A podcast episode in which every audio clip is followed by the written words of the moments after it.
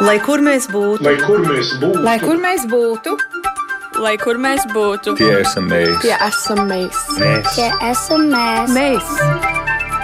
Tas ir par mums. Tas ir par mums. tas ir par mums.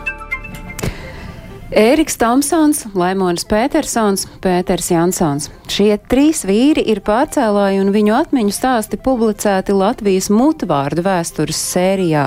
Grāmata saucas Pārcēlāji. Pārcēlāji bija tie, kuri riskējot ar savu dzīvību otrā pasaules kara beigu posmā laivās vienkārši veda bēgļus no Latvijas uz Zviedriju. Par morālo spēku izšķirošos brīžos, par solījumiem un atbildību likteņbiedriem un draugiem, arī par ģimeņu likteņiem.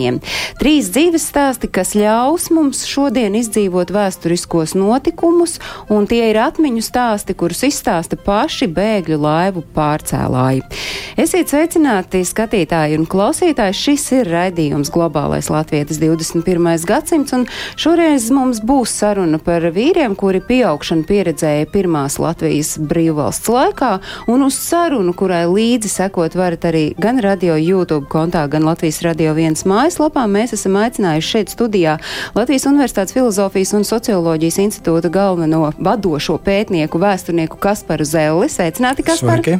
Un attālināti uh, viens jau no iepriekš pieminētajiem vīriem, Ēriks Tomsons, bēgļu laivu pārcēlājs, ir mūsu šās reizes sarunas uh, dalībnieks. Daiga Siliņa savukārt ir Ērika meita, un vēl ir mutvārdu vēstures pētniece Ginta Elksne un Māja Krūmiņa, kur ir Latvijas Universitātes Filozofijas un socioloģijas institūta pētniece un Latvijas mutvārtu vēstures pētnieku asociācijas dzīves stāsts pārstāvi.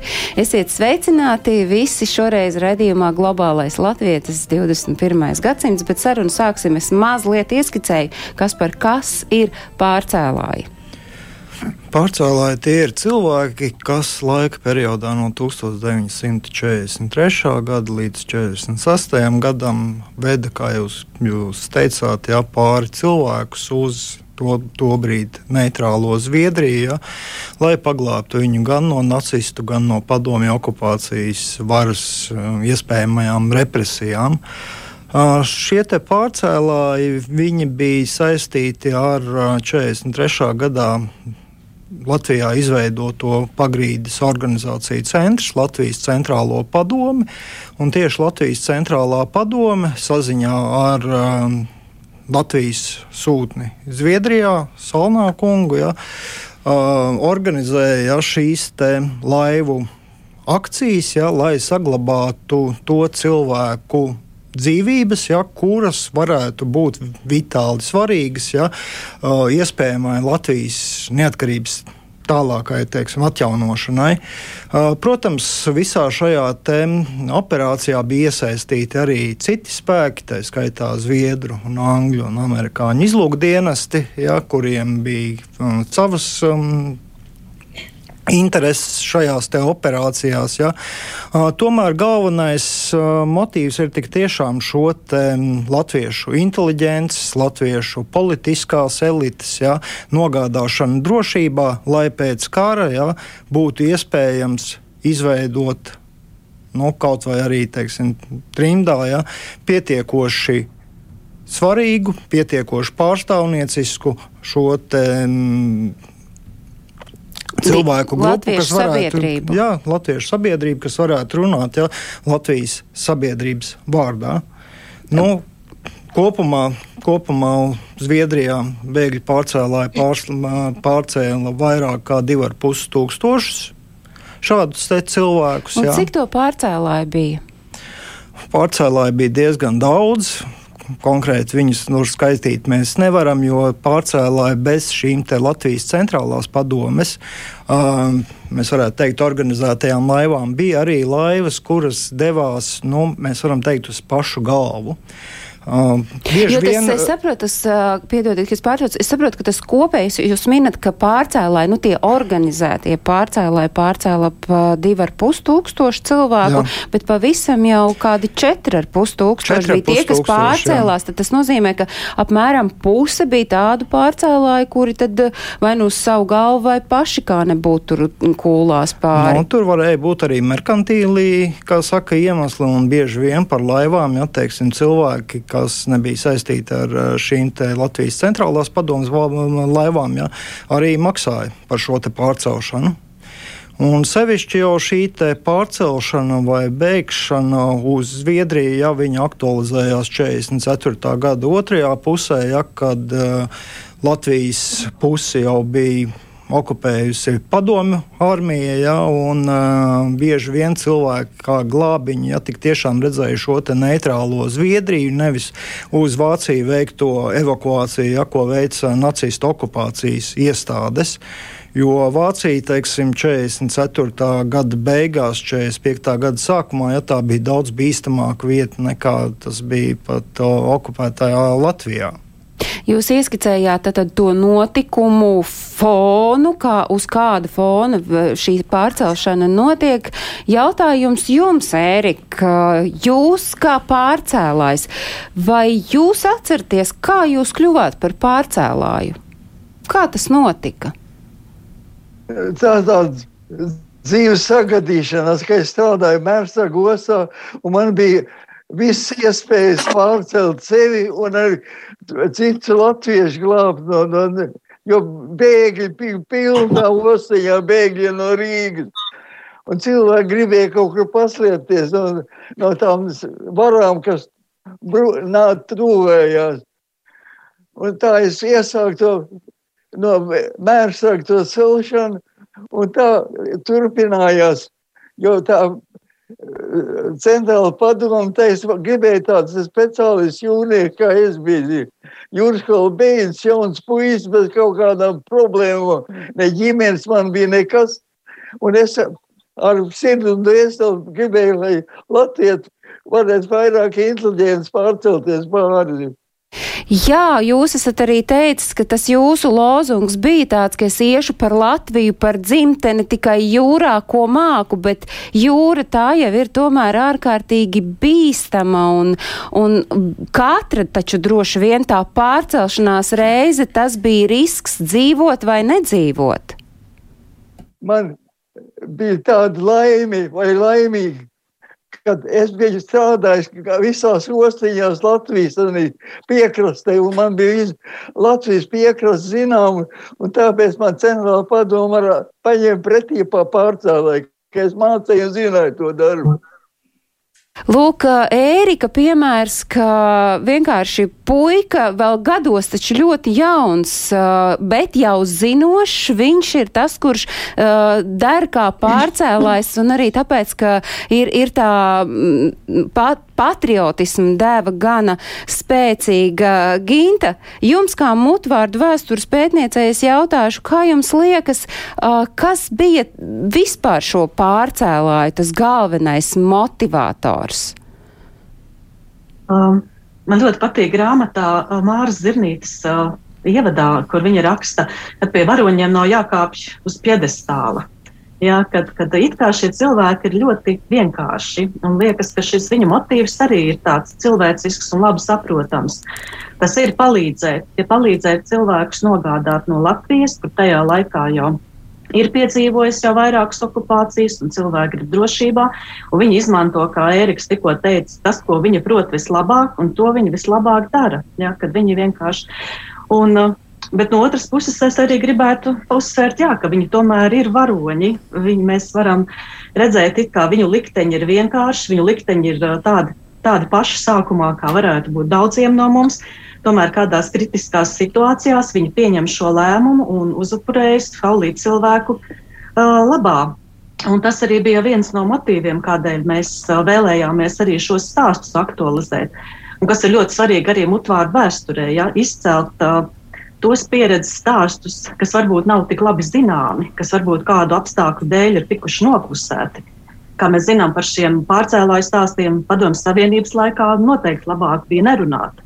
Un arī Zviedrijas pusē ilgi par to nerunāja, jo vienkārši bija iesaistīts arī šīs izlūku organizācijas, kur, kur kā Pēters Jansons atcerējās, viņi bija parakstījušies vai vienojušies par šo ziņu neizpaušanu. Un tādēļ ļoti svarīgi šo likteni, šos likteņus parādīt, lai, lai redzētu, kas, kas motivē šos cilvēkus. Un reizes arī padomāt, vai mēs šādos briesmu brīžos, vai mēs arī varētu kādas tādas izvēles izdarīt. Ko mēs darītu, ja? vai mēs būtu šādi varoņi? Ērika, sakiet, cik, vai jūs zināt, cik reiži jūs cēlāties prom no, no Kurzemes jūrmālas uz Gotlandi un atpakaļ? Es kādas septiņas reizes man sanāca, ka, ka es biju braucis. Un vai ir pirmā kā? Reiz, pirma, pirmā reize to Falkona Šarlis pārēd cilvēks. Un, tur mums Siliņš sagaidīja Gotlandē, ne, un atkal tos jūrnieks, kas zināja, mācīja braukt, tos visu organizēja tādā bēgļu pārdošanā.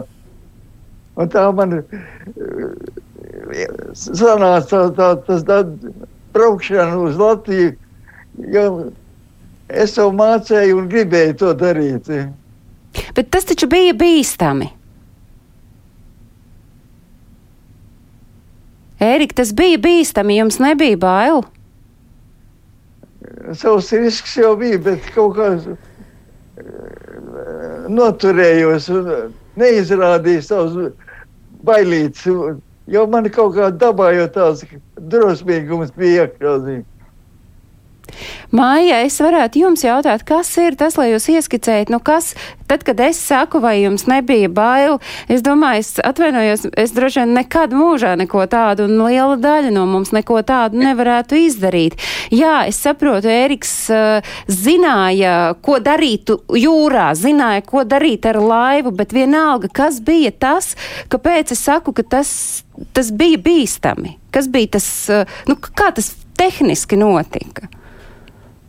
À, nē, nu, tehniski runājot, un no bīstamības viedokļa tas, nu, protams, bija ļoti bīstami, gan tāpēc, ka tas notika pirmkārt jau rudenī pārsvarā šie braucieni bija, nu, tā tad bija liela viļņa, bija vētras, to arī Ēriks apraksta vairākos fragmentos, kad bija tiešām tā, ka viņi arī devās, piemēram, no Gotlandes uz Latviju, bet vienkārši bija spiesti griezties atpakaļ, un, nu, līdz ar to neatvest bēgļus šajā braucienā. Uh, tā kā, nu jā, viļņa laikapstākļi tīri, tas ir viens. Otrs ir, protams, bija arī šie gan vācu, gan padomju spēki, ar kuriem varēja sastapties jūrā, un no kuriem bija jāizvairās. Un šeit atkal Erika tieši stāstā ir ļoti labs piemērs tam, ka vien, viena no tām laivām, ko viņš vadīja, arī sastapās ar vācu patruļas kuģi. Un visi cilvēki tika pārņemti. Tātad viņiem bija jāpārkāpj šī kuģa, un tas kuģa laiva tika uzspridzināta. Un visi bēgļi tika aizvest atpakaļ uz Latviju. Un tur seko garš, garš piedzīvojumiem, bagāts stāsts par to, kā Eriks atkal nokļuva Gotlandē. Tā kā bija nu, bīstami no visiem apstākļiem. Turklāt bēgļiem uh, bija tas, ka viņi jau ļoti. Nu, Vairākas nedēļas bieži vien slēpās arī šajos kurzemes krastos, un līdz ar to tur arī bija bīstamība un viss šī nokļūšana uz laivām, uh, kas bija ar citām mazākām laiviņām no krasta, lai nokļūtu uz lielās laivas. Un, un, un tur tika bieži vien cilvēki netika augšā, netika viņu drēbes, ģimenes varbūt pat tika izšķirtas brīžam. Un tā, tā kā, nu, jā, protams, tas bija bīstami. Bet, uh, ko es gribēju piebilst, varbūt, kad, man liekas, tāpēc ir labi, ka mūsu šie fra, uh, dzīves stāsti ir tādi pilnībā šajā grāmatā, sākot, grām, uh, sākot jau ar bērnību visiem šiem autoriem. Un tas, tas ļauj izsekot līdzi varbūt tam, kā šie raksturi ir jau veidojušies no bērnības tieši tādi, ka viņi varēja šajos te, dramatiskajos apstākļos uzņemties šo risku, būt šādi bezbēlīgi, kā mēs viņus saucam. Jo, nu, tāds ir viņa raksturs jau kopš bērnības, un to var labi izsekot. Arī Ēriks stāstā, saku, tur bija jau no bērnības par to, kā viņš vispār kļuva par jūrnieku. Tur arī ir vērojama tāda spītība un neatkāpšanās no, no, no, no, no savu pieņemtā lēmuma. Tā, tas īstenībā, liekas, ļoti labi sēž kopā. Jo es saprotu, Erika, jūs bijāt vienkārši lauku puika, kurš bija no nu, ar tādu dzīvoja ar tādu kārtīgu apņemšanos, ka es kļūšu par jūrnieku, lai tur vai lūst vai plīst. Tā bija? Bija tā, ka man tēvbrālis bija tēvbrālis, te kapteinis, un mūsu Tomsons zina, tā ļoti daudz jūrnieku bija. Un tas kaut kā no bērna kājas jau iedzimta jūras zina. Kaut es pie jūras nedzīvoju, bet jūrnieks šeit piedzimzi.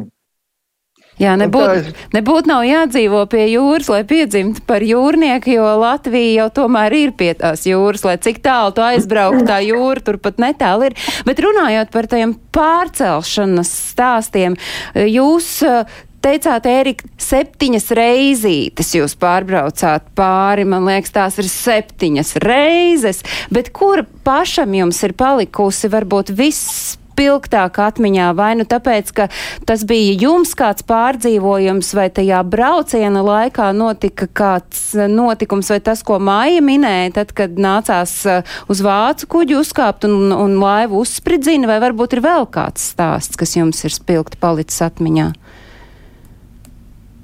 Ir eh, tāds eh, atmiņa tāda, ka es braucam tagad jaukā laikā no, no Gotlandes eh, uz Latviju. Un iebrauc kar, ka, tumsā naktī iebraucam vācu karakuģi stāvvietā jūrā. Un no visām pusēm mums ar prožektoriem uzreiz pārķēri. Mums bija laiviņi nomaskēti ar priekšgalā bija tīkli, tie turētāji ar bojām un paši tādi kā jau zvejnieki. Un vāci tie karku jūrnieki tā aizskatījām prožektoriem pētīja mums. Un abi sarunājāmies ar Žani, tikai nebaidies, tikai nebaidies. Un brauc tālāk. zīvi. Tā notika.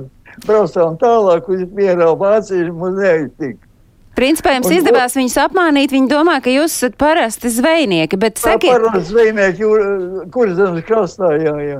bet sakiet, Ērika, tā ir tiesa, ka jūs pārcēlāji, kad jūs braucāt pāri, lai jūs tā kā neat, nepamanītu. Nu, pirmkārt, jūs mēdzāt arī braukt tumsā, bet uh, paši bijāt nosmērējuši sejas ar eļļu, smēri, lai būtu melnas sejas, lai tad Nē, lai riktīgi. būtu Kā zvejnieki maskējamies, kā zvejnieki ģērbās, tā mēs bijām saģērbušies kā zvejnieki.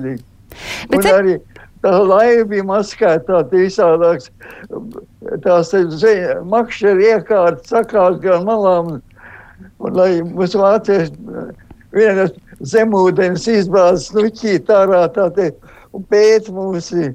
Un tu nospēr, tie tu nav ko tur ir tā ārā tiem krām zvejniekiem diviem, kas tur brauc tajā laivā. Bet tās laivas bija cik lielas, lai mēs saprastu, un cik cilvēku vienā reizē jūs varējāt pārvest? tās laivas jau mainījās arī septiņās reizēs.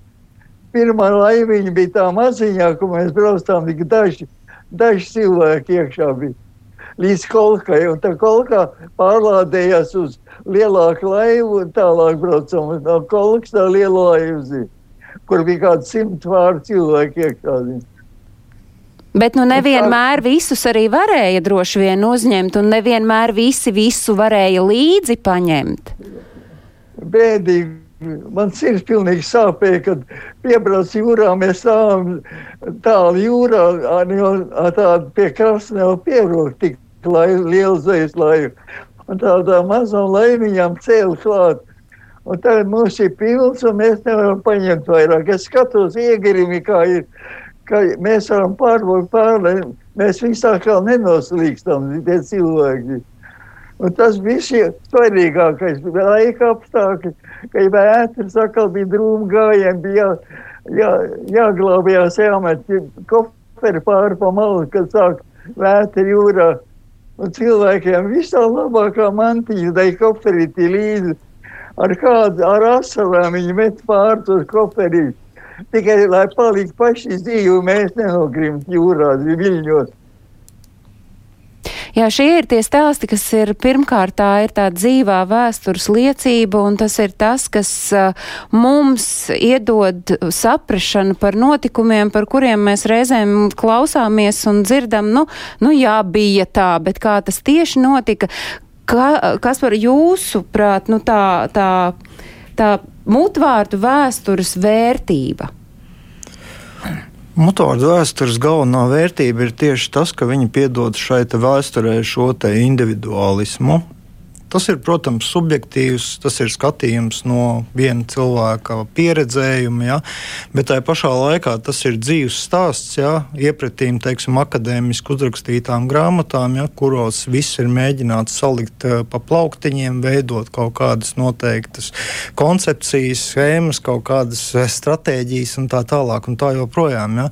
Bieži vien tāpēc arī teiksim, šie te lielie vēstures stāsti ja, par pārcēlājiem ir tik tiešām ir rakstīts arī vēstures grāmatās, ja, bet es domāju, tāda mierindas lasītājiem izlasīt un īsti saprast ja, tos apstākļus, kuros norisinājās šī bēgļu pārcelšana, ir samērā grūti. Ja. Un tāpēc nāk šie dzīves stāsti, ja, kuri no pašu cilvēki no pašu cilvēku pieredzētā, jā, mums stāsta par šiem notikumiem, jā, kā tas notika tātad pirms šiem vairāk nekā 75 gadiem. Likteņa labvēlība tā arī bija viena no lietām, uz ko nācās savulaik droši vien pārcēlājiem paļauties. Ja mēs runājam par, par uh, atmiņu stāstiem vēstures kontekstā, Maija, tas no jūsu puses raugot, un arī pēc tam droši vien Ginta var papildināt, kur ir, tas, kur ir tā sāls, kāpēc Ērika stāstītajā ir jāklausās un jāklausās un jāpārlasa arī tas, ko pārējie pārcēlāji ir teikuši? Mm, nu viens tas jau var būt, ko Ginta, man liekas, ieskicēja mazliet par to, ka tas nu, mēs varam mācīt, mācīties vai iztēloties sevi arī tajā situācijā, un tad uzdot sev svarīgus jautājumus par to, kā mēs rīkotos sali, nu, salīdzinājumā. Bet, un arī tas, ko es teicu, jā, ka mēs redzam, ka cilvēks nenobīstās no, no arī lielu briesmu priekšā. Nav jau tā, ka viņam nebija bail, bet nu, viņš spēja to pārvarēt. Un, un, un, jā, un pieturēšanās pie saviem principiem, nu, kas iet cauri, man liekas, visiem, visiem šiem stāstiem.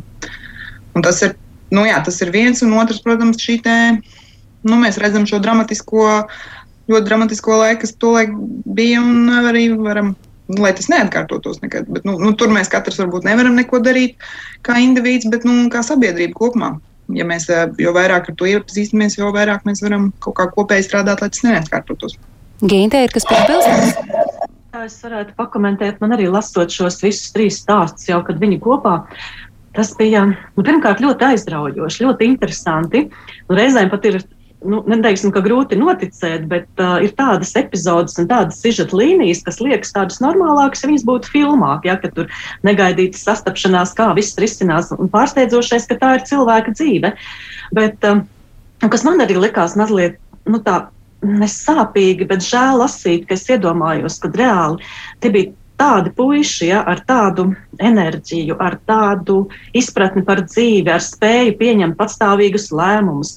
Vai kā tur, piemēram, Petersons stāstā, viņš jau kuģo uz Atlantijas pusi, jau pie Ziemeļāfrikas. Ja, ir šis gan šis piedzīvojuma gars, gan tiek veidotas ģimenes. Un tad nāk šīs okupācijas varas kas šos likteņus samaļ. Ja? Mums, pa, mums paveicās, ka mēs šie trīs cilvēki izdzīvoja. Viņu liktenis bija skarbs, bet mēs nu, viņus varam intervēt un varam šos stāstus tagad tālāk nodot arī lasītājiem. Bet eh, ļoti daudz, kurš tas samala. Un man, man tiešām lasot, šobrīd diezgan sāpīgi domāt par visu šīs paudzes likteni, kas tika iesaistīts šajā kara darbībā un kurš izdzīvoja, kurš, un kurš nē, kurš palika, kurš, kurš stāstus mēs nezināsim arī. Runājot par pārcēlājiem, tur, protams, tas likteņu pirksts arī ir nospēlējis gan, kā es saprotu, piemēram, Ērika gadījumā, tas, ka vispār kļuva par pārcēlāju, nu tāda ne, nejaušība varētu teikt. Un arī tas, kas notika pēc tam, kad šis pārcelšanas process beidzās.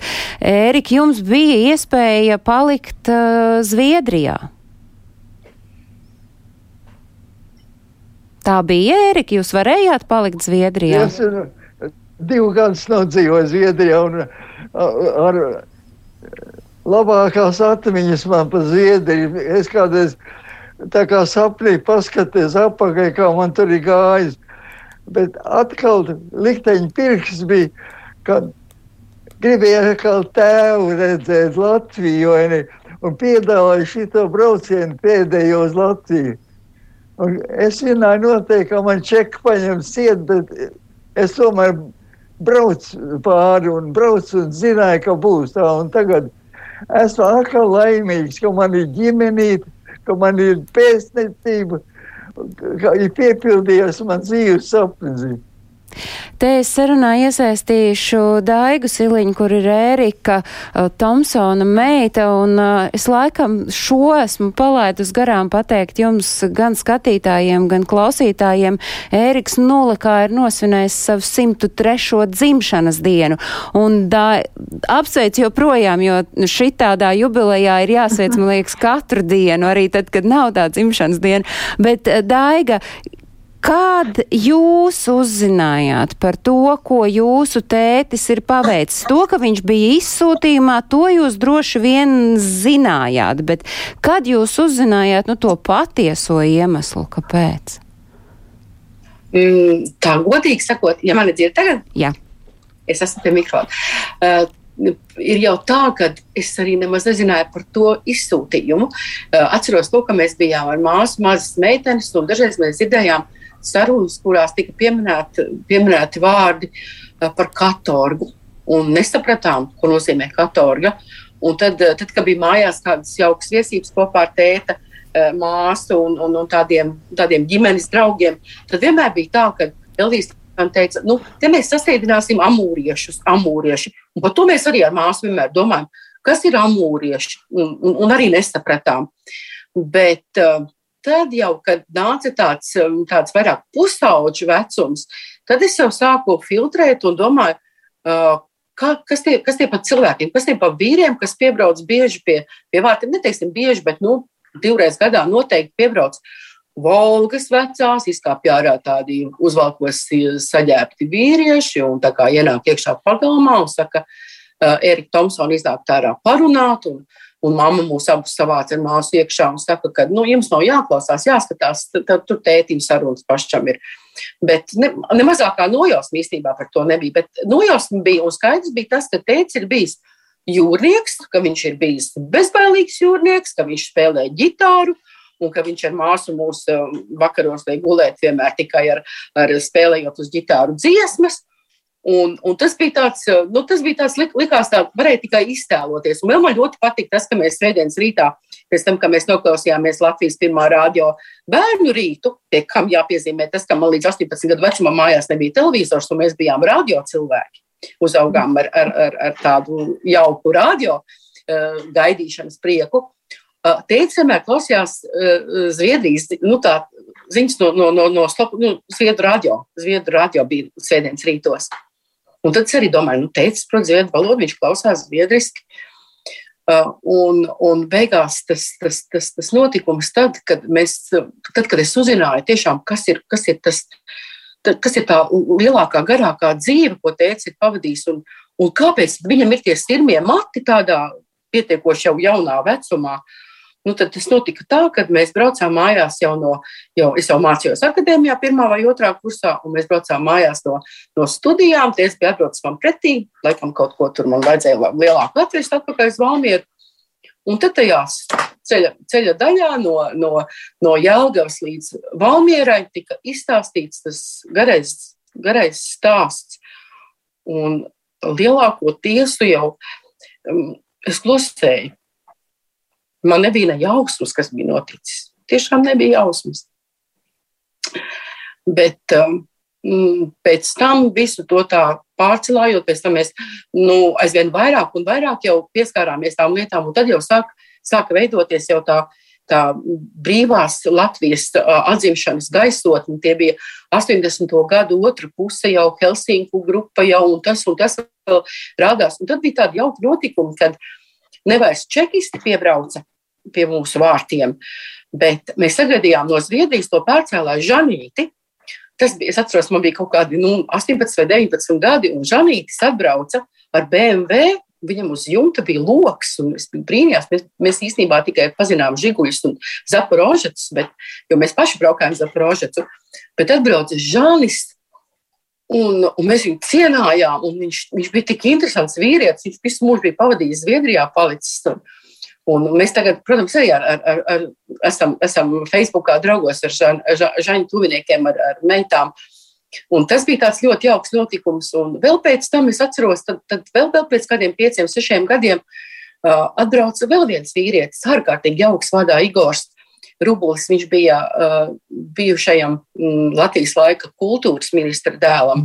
Un viņš izstāstīja stāstu, kurš bija tik ļoti tāds, uh, nu, tāds sirdī iegūlās. Viņš stāstīja par to, kā, kā vienā no tiem smagākajiem braucieniem pāri jūrai uh, ir bijusi ļoti liela vētra. Un, un, un laiva ir smēlusies pilna ar, ūdeni, un, un, un lietus ir gāzies virsū par galvu, un no sāniem ir gāzies iekšā jūras ūdens.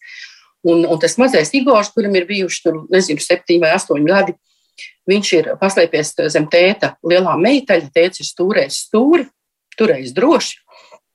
Viņš arī juties droši, drošībā, un, un, un tas mazais puisīts ir domājis, ja, ja mēs izdzīvosim, mēs būsim kapteinis. Jūs uzzinājāt eh, šo faktu par savu tēti, tad, kad uh, par to drīkstēja runāt. Un tā droši vien bija lielākā daļa to pārcēlāju, kuri uh, pārcelšanas beigu periodā palika Latvijā šādu vai tādu iemeslu dēļ. Nu, labi, to mēs varam saprast. Šeit ir padomju savienība, šeit un, nu, skaidrs, ka tur ir izsūtījums un tur par to nevar runāt. Kāpēc nu, šķietami brīvajā Zviedrijā arī mēs lasām atmiņu stāstā Pētera Jansona meita droši vien līdzīgi nezināja, ar ko ir nodarbojies viņas tētis. Kāpēc? Nu, te jau teicu, ja te bija iesaistīts Zviedru izlūkdienests un faktiski šī informācija bija uz vairākām desmit gadiem noslapa, nos, nos, noslapenota, ja, un šie cilvēki nevarēja runāt ja, par uh, to, ko viņi ir darījuši. Ja, faktiski tāds, to iespēju runāt, ja, viņi iegūta tikai pēc tam, kad uh, uz šīm operācijām, ja, kas tika veiktas otrā pasaules kara beigām, tika noņemts šis aizlieguma zīmogs. Ja. Un tad varēja, kā saka, jau skatīties uz to daudz plašāk, par to runāt un uh, to pētīt un tā tālāk un tā joprojām.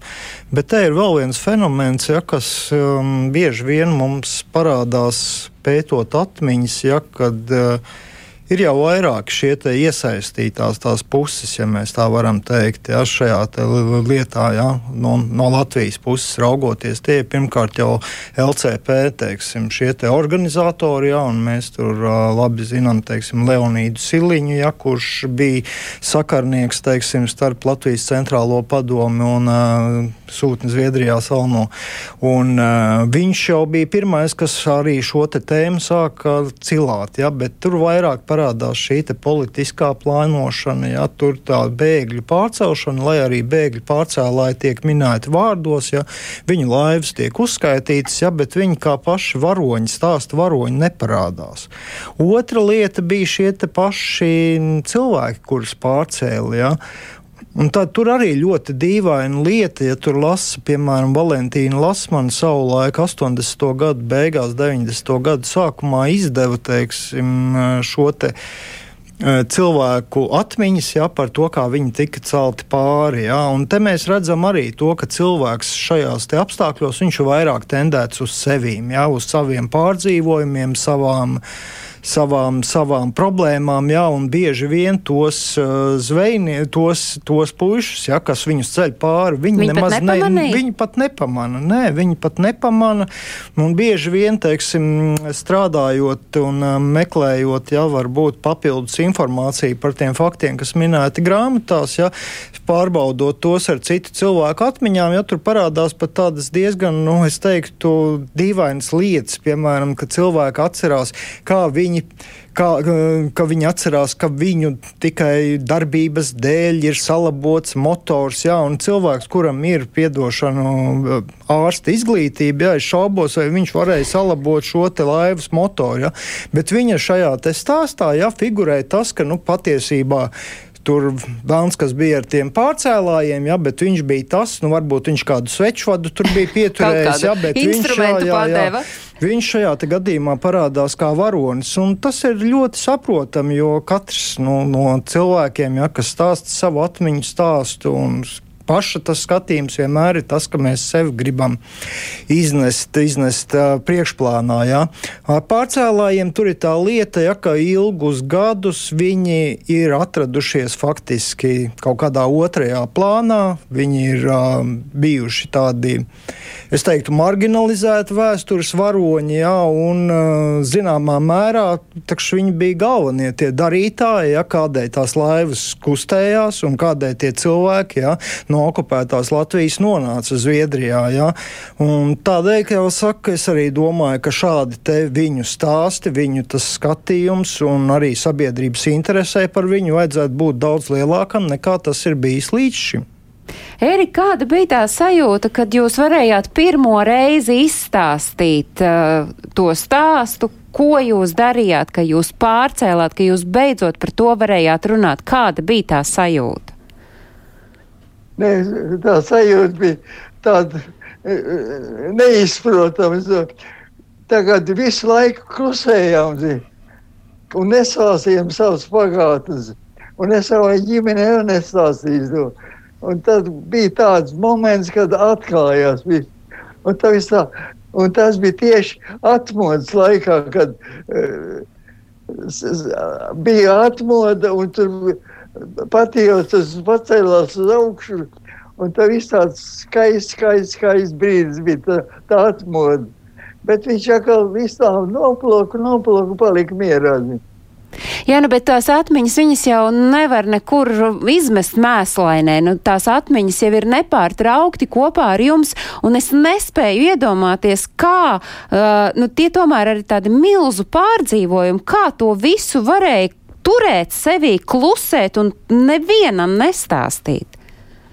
E, bija tāda apņēmība un arī apkārtējā vide, kas e, noteikti negatīvi atsauktos uz man to. Bet, kad sāk aiziet plusā tas negatīvs, tad es sāku stāstīt to, kā ir bijis un kur bijis. Un tā ir tā, tā grāmata, un arī tā eh, žurnālists. Eh, Valentīna tā man pie maniem brauc, un tad viss kaut kā tās no, no, nomierinājās.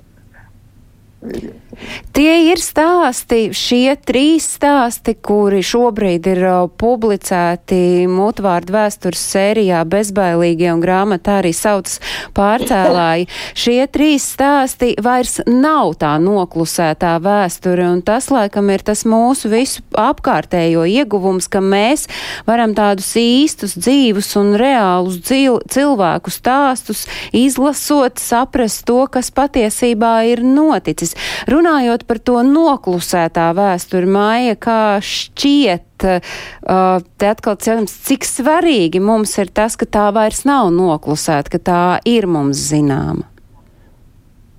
Nu, jāsaka, protams, ļoti svarīgi, lai, jo, nu, kā mēs kā tauta varam sevi apzināties, ja mēs nezinām visu šīs detaļas, nu, gan par nu, jā, visas, kas ir noklusētas līdz šim, viņas ir lēnām jāceļ um, ārā.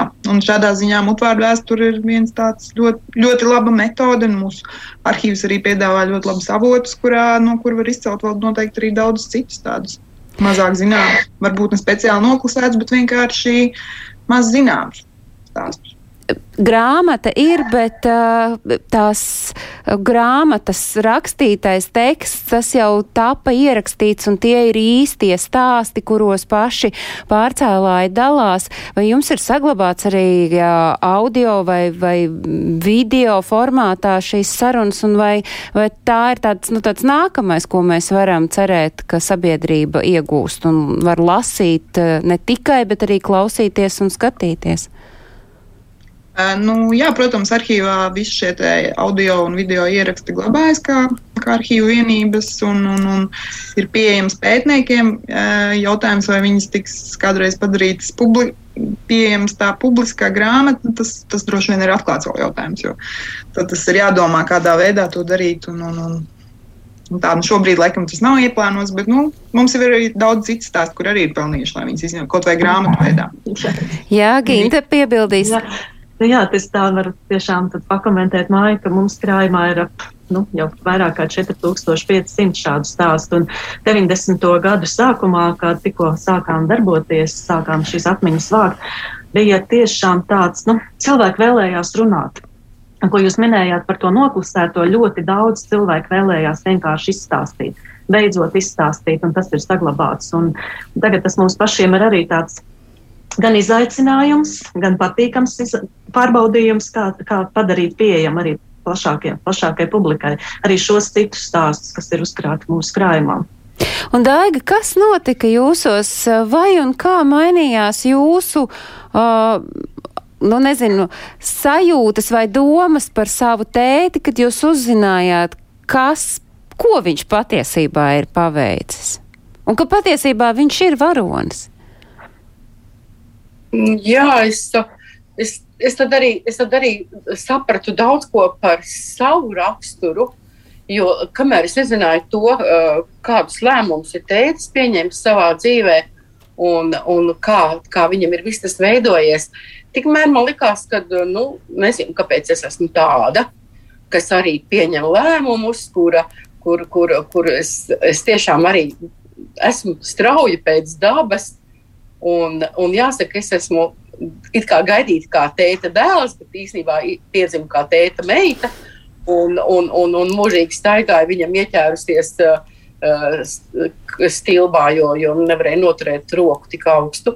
Bet, uh, bet, bet principā bija tā, ka kad, uh, man, man gribējās, man, man bija kam līdzināties. Un, un, arī, un arī tas ir visās tagad nākošajās paudzēs. Uh, nevien, nevien es, nevien māsa, arī māsas dēls un meita un manas meitas.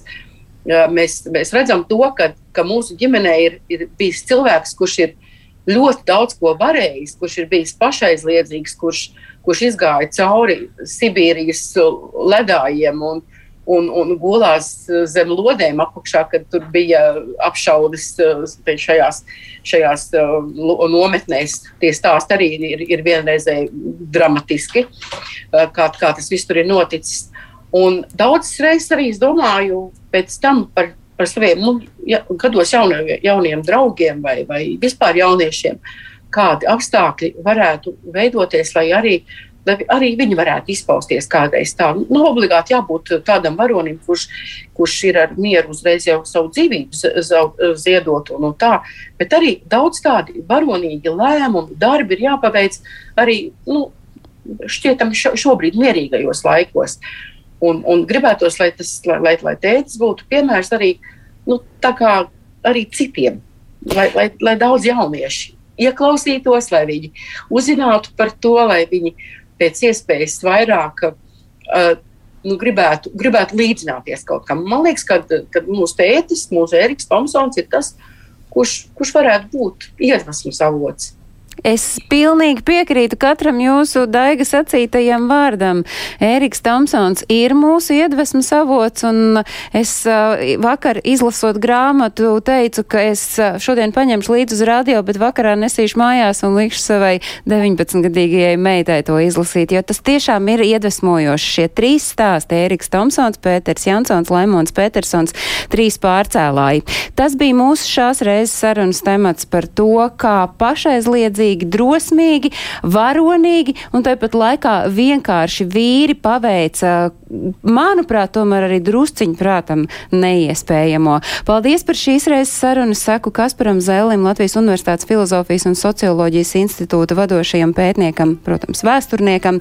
Paldies, es saku Daigai Siliņai, kura ir pārcēlāja Ērika Tomsona meita. Paldies Gintai Elksnei, mutvārdu vēstures pētniecei un Maijai Krūmiņai, kur savukārt ir arī gan mutvārdu vēstures pētnieku asociācijas pārstāvu, gan arī uh, Latvijas Universitātes filo filozofijas un socioloģijas institūta pētniece. Un, protams, milzīgs paldies par šoreiz dalību raidījumā Globālais Latvijas 21. gadsimts Ērikam Tomsonam, kurš ir bijis un joprojām ir, es gribētu teikt, jo to nevar nolikt pagātnē, bēgļu laivu pārcēlājs. Paldies maniem kolēģiem, kur strādāja pie tā, lai šis raidījums izskanētu, un es atgādinu, ka ārpus Latvijas dzīvojošiem aktuālo notikumu kalendārs meklējams portālā latviešu.com. Mūsu raidījums ir klausāms katru svētdienu atkārtojumā uzreiz pēc trījiem pēcpusdienā. Lai visiem ir jauka atlikusī dienas daļa un lai viss izdodas. Paldies!